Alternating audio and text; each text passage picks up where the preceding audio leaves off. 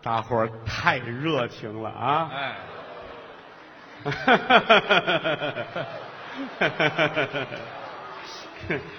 把俩孩子吓着了， 是，俩孩子还小 哈，刚出徒就是我也知道这一喊一呀、啊，有的时候是好，有的时候也是往下轰 啊！嗨，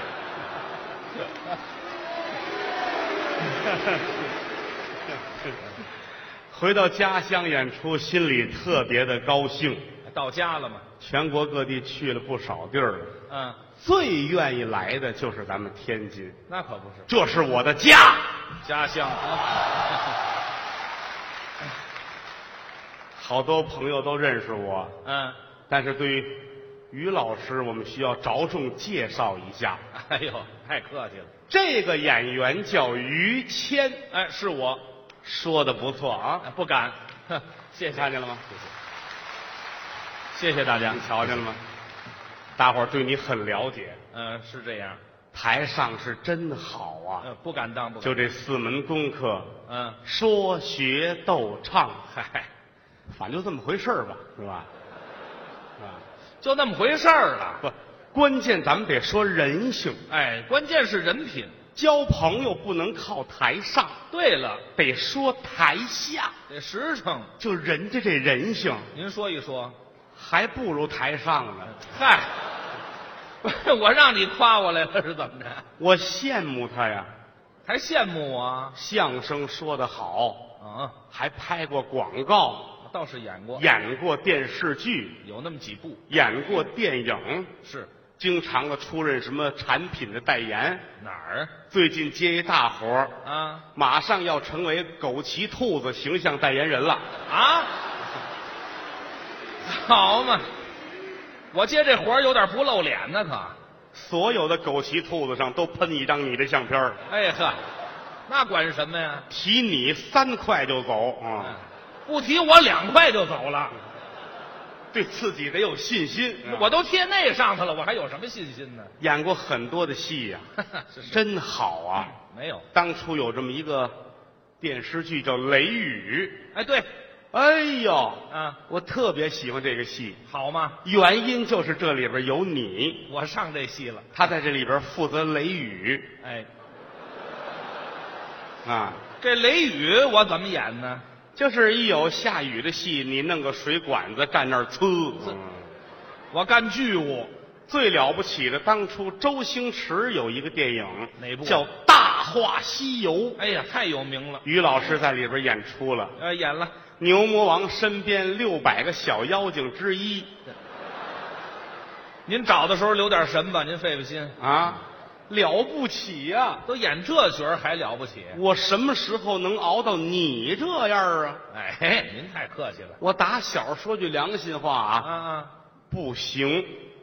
小时候不好吗？您看，您各位今天捧我啊，啊，我当初干不了这行，哦，不适合干这个打小同龄的学生里边啊，都比我强，哎，就你最次我最次了我，哦，怎么办呢？嗯、包括学员们一块儿演出，嗯我一上场，这观众们哇怎么回事？全走了，走了，我一下场哇都回来了。哦，还真快呀、这个团长说：“你别演了，哦你剪场吧。哦，改搬桌子了，”我搬桌子，嗯我搬桌子一出来，观众哇也走了。嗯我说我搬桌子不说相声，啊。观众说了，看见你就不行。好嘛！哎呀，您这人缘也太次了，我跟您说。后来团长说：“你就跟后台拉拉大幕什么的吧，哦，干杂活儿别别上场了，别露面儿了也别说。”啊！真有一个人找到后台干嘛呀？找团长，哦，为什么不让郭德纲上场？我有愿意听您的呀，必须马上安排，啊，有捧场的，他再不上场，嗯我那冰棍儿全化了啊，啊！ 好，等您上场，观众出去买冰棍儿去。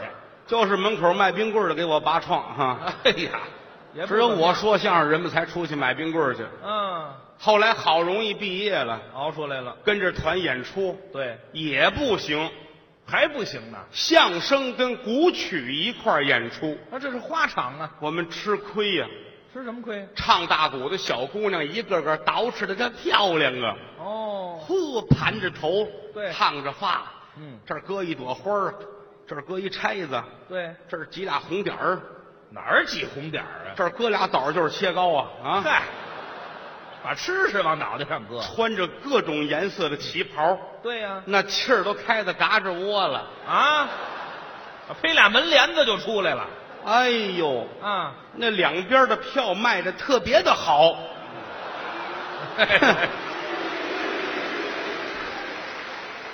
那不是看大鼓的，那是看大腿的。嗯， 少说这个啊， 不是这意思。 留神人家告你去。 我告诉你看到谁？我就纳了闷儿了， 啊，我们有的演员他都凉调，对，他他那唱根本就不够水平，哦，词儿高了呃记不住，这玩意儿台上胡唱乱唱的，都错了。还有人给上花篮，对呀、他凉调他能见四十多个花篮，不少。我这么卖力气，我连个花圈都没有啊，嗨，您不到岁数呢，可能。气得我，哎， 有保安没有啊？把他弄出去啊！不是您就甭讨厌你甭讨厌想这个了，太讨厌了，这人你这样的逮着都够枪毙五分钟的，是吧？啊！那么长时间呢？我我很不幸，你不要拿我开玩笑，你知道那吗？您就接着说，接我着说。很不容易，我，嗯我就跟那团儿里混了这么长时间，我寒了心了。哦，不想干我了。什么时候我能熬出来呀？我哦，干点别的吧，我。哎，您干脆就转转行有一朋友说了啊，啊！影视界你愿意不愿意？您呢？我一琢磨，这不错呀，影视界？影视圈我很喜欢呐。对呀、头一天去了，导演就问我啊，，这影视跟相声可不一样，哦，你做得到吗？嗯、我说我做得到啊。哦，行，吻戏你能演吗？接吻。我说太好了，哎呀，嗨，就等这个呢。 我挺乐意的。 导演也高 兴，是好，你要能答应就好。哦，把那狗牵过来，狗跟狗接吻呐？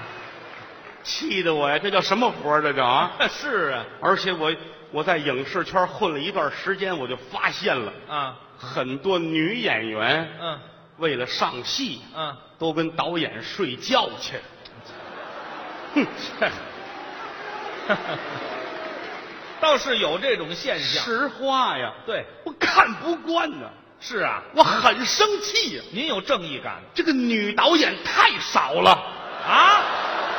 哎呀，嗨您生这个气呀、你们女演员有办法，我们怎么办呢？我啊？哦是不是？苍天不负苦心人呐！怎么了？终于有一个戏碰见女导演了。哦，让您碰上了，嗯，她那年是三十六，啊，那也不算大。我那年是二十三。哎，跟您比差不多。我一想，我为了艺术，我献身吧。啊，您现身了，我洗洗澡，换换衣裳，哦，我找她去了。是当当当，敲开门，我一瞧，这事儿成不了了。怎么回事？制片人在屋躺着呢。 嗨，您白费劲了。我什么时候我能混出来啊？我啊，嗯哎，澡也白洗我了。多多混得出来我啊，嗯，我心里不是滋味儿啊。 是来一朋友问我，啊，广告你去吗？哎，广告可快。快，对了，到那儿就完，周期短，一天的功夫。是你的男一号哦，那不错啊。给你五千块钱。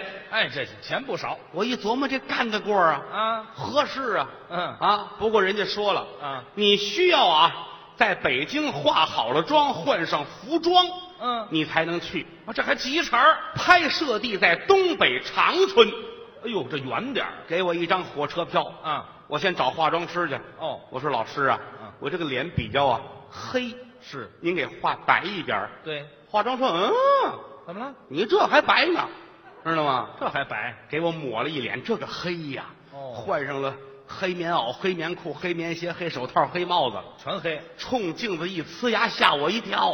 啊！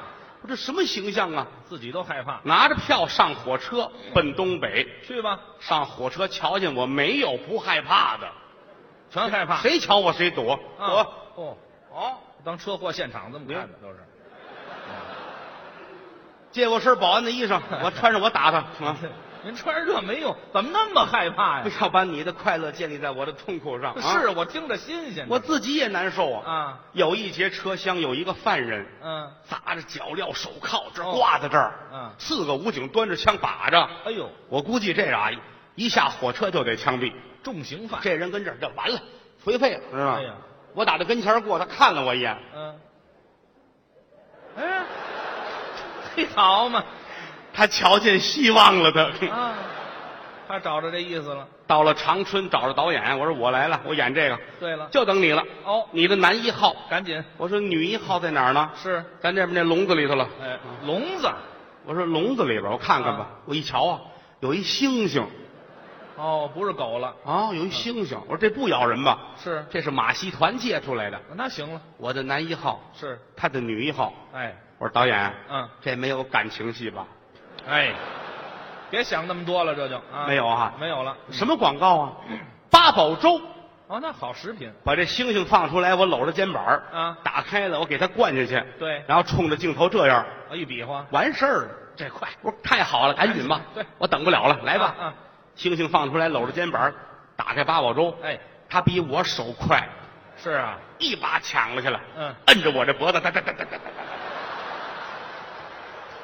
那就别抖搂了完事儿，这猩猩冲着镜头，啊， 他还比划呢，我怀疑他偷看剧本了，你知道哎吗？嗨，嗯，要不也没那么快我说导演，啊，哎哎嗨，呛一口再来一遍吧。啊，导演说没事儿，嗯谁灌谁都行，啊，那怎么都行那就完了吧。啊？这个广告播出之后，很多观众打进电话来问什么呀？问一问哪个是猩猩，哪个是人。哎，对，人家都分不清楚啊。我说他让我穿黑棉袄、黑棉裤呢，哎，对了，攥着五千块钱回北京。哎，挣钱就行了。我有了钱了，嗯我这回我买方便面了，我能够啊，啊，能吃饭了我有这个，我有饭了我。啊？这个朋友又找我来了，干嘛？说你这样知足是不对的，怎么了？必须要往上发展，再往上怎么发展呢？你得上春节晚会，哦，你春才节能红晚会，嗯，嗯才能红，哦才能有味儿。嗯我说我我也不认识人家呀，啊，我找谁呀？是说你甭管了，啊我认识春节晚会的导演，啊，见导演哎，我把他请来，你们见一面。好，我不能白帮你这忙，怎么办？你给我五千块钱。五千？我一琢磨，我刚挣了五千， 是啊，我还得买方便面呢，我 啊，别废话，你成名要紧。哦，一把把钱抢过去了，嗯，带我去见导演。去吧。我一瞧，这是假的，怎么见得呢？骗子，凭什么？不是导演，你怎么知道他？连大胡子都没有。 哎，嗨，我这朋友说了啊闭嘴，闭嘴，别胡说八道的啊！是大胡子逮起来了啊！啊哎哎，对对对对，别提这茬了。这不能提，这先不让说，不啊让啊说，啊不让说啊！啊，我说导演，嗯，导演您好，嗯我要上春晚，哎，对，啊我要成一个大腕儿，表达一我下，很了不起了就。说心意。导演说这你来晚了啊啊！你你们导才演来哆嗦什么呀？啊，有身份都得这样是吧？没听说过你来晚了，啊，你这你先跟着干活吧，干活擦擦桌子，搬搬椅子，哦，弄个水，送个盒饭，扫个地捂的嗯，啊！你你这样，给我遛狗去遛狗也管啊！给我遛狗去， 啊多缺德！我还得给他遛狗去，就这破狗，啊走一步一停，走一步一停，我给领到钟表店去了。啊我说师傅，这走一步一停，哦没事儿，擦擦油泥就好了啊！啊，狗有擦油泥的吗？把狗牵回来，导演乐坏了。没了呵，哦这个忙可是帮大了啊！啊，行了，你留神吧，看哪个节目你能上，嚯，你言语一声吧。吐口了，我看吧，找找。有京剧，对，这不好蒙，怎么京剧这难蒙。你说你唱戏的，啊？弦儿一响，你算傻了。啊，他哆嗦上了，啊有武术表演，这行吗？这蒙不了，啊，这真刀真枪玩了命了。这不长眼啊嗯，有这个芭蕾舞，哎，八这百也没法蒙。怎么？你垫脚尖儿，你能你能站半小时？我看你不垫脚尖儿，你也不像啊啊啊！啊 我那枪哪儿去了？这这嗨，不是您就甭蒙这个了，您找点能干的。我能干什么？我一看我就说相声能干。相声啊？现场有一个四百人合说的相声，哦，四百人啊！四百人大群口相声，嚯，就这场景啊，没有没八十万下不来。那么贵啊！嚯，这儿弄的假山，山跟真的似的。哦，这边有俩飞机，飞机，底上有水。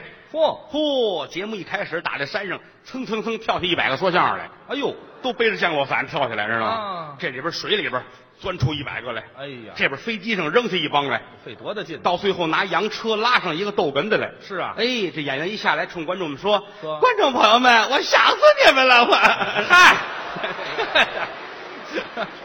啊，啊就说这么一句，四百人站齐了，嗯有一个人带着说：“是我说一句话，你们大伙儿把它翻过来啊！哦，给大家拜年，我很高兴。”对，这三百来人一块儿，啊很高兴给大家拜年，哎一鞠躬，完了，哎，完了！嘿，我说这行这个啊，啊，这缺心眼儿都能来这个啊！哎呀对对，这行这个这啊不，算什么，嚯，就就是这儿的相声好说。嗯嗯我，说导演啊我求求您，这我来吧，这个哈。哦，上这个慢说，我这智商，这我没问题啊啊对对！我说那你等会儿吧，干嘛？这四百人打六月份就跟这儿盯着，嚯知道吗？你等着，说有一个不干的，你来，哎，您补这缺我天天盼着呀。啊，你这帮缺德的，也不出点事儿啊！呵，您盼什么呀？有一个不干了，我不就盯上去了吗？啊，天天的等，天天的盼等着吧。啊！这活儿没等来，别的活儿等来了。什么活儿？那天现场彩排，哦，四千人的现场，嗯，跟这儿正忙活着呢哎。有一个观众生孩子，哎，那儿生孩子，大姐大肚子，你啊说，哎呀，你这这这月份你回家生孩子去，凑什么热这儿乱了哄哄四千多人，你跟这儿，你这他这儿要生孩子，啊哎呦，现场生孩子，我赶紧打电话啊？啊，打电话，一会儿车来了，我还得扶着他，背着他弄车上去，哎呀啊回来这儿收拾，哎呀全，是你的活儿，忙完了之后，我这机会可来了，什么机会啊？彩排到这四百人的相声，啊，又打山上下了一百个，哇，对呀背着降落伞，是是有一个人那降落伞没打开，啊，哎呦，脑袋冲向，哎呀，万幸哦，没事儿，死了，嘿，死了叫万幸吗？我太激动了啊！啊，老天爷给我机会 了，太好了！哎呀我找导演去。嗯导演，是这短一个这个，啊，我来我来这个。哎，得赶紧，你来晚了，怎么？把他推下去那人已经替他了。嚯，这太残酷了吧？这个，我什么时候能熬出来呀？哎我呀，我什么时候能熬出来嗯啊？嗯嗯，急得我没法儿没法儿的。是是，我找我那朋友去了，干嘛呀？退钱，不干了，把那钱退我，赶紧，不干了嗯啊！嗯一嗯，天到晚的净干活了，是哪当演员成碎催了？我这个没正事儿我又擦地又拾弄屋子，啊那大姐生孩子还我给弄，我我我怎么的了我？啊，把钱给我。不干，他乐了，啊，你呀、缺心眼儿，怎么了？你是不是想上春晚？当然了，你是不是想成名？废话，你首先要学脸皮厚，你得不要脸才行呢，你知道吗？，啊，知道吗？是啊，你这个多的能成腕儿，你这个啊，哦，脸皮厚，就你这个性干不了这个，知道哦吗？那那怎么办我说我就我就脸皮儿薄，是啊拉不下脸儿来，啊？找老师去，还有教这个的，找人教你，谁呀？谁教啊？啊谁脸皮儿厚啊？啊，我想了想，谁呀？哎，啊，现场生孩子那大姐可以，哎，对，四千多人看着生孩子，人不在乎，这得多大能耐，这得对是。了对，我买点东西，我看她去了我啊。瞧他去，我到家一瞧，坐在炕上正哭呢，干嘛呀？哎，丢人丢大哎了 呀。也嫌害臊，我说大姐，大姐，别往心里去啊这算什么呀？嗯！你站着说话不腰疼啊 四千多人看着我生孩子，太是是丢人了。嗯嗯嗯我说这不算什么啊那年申奥成功，天安门头里边有一人同志两万多人生孩子，是哎呀，那也是我。全是他。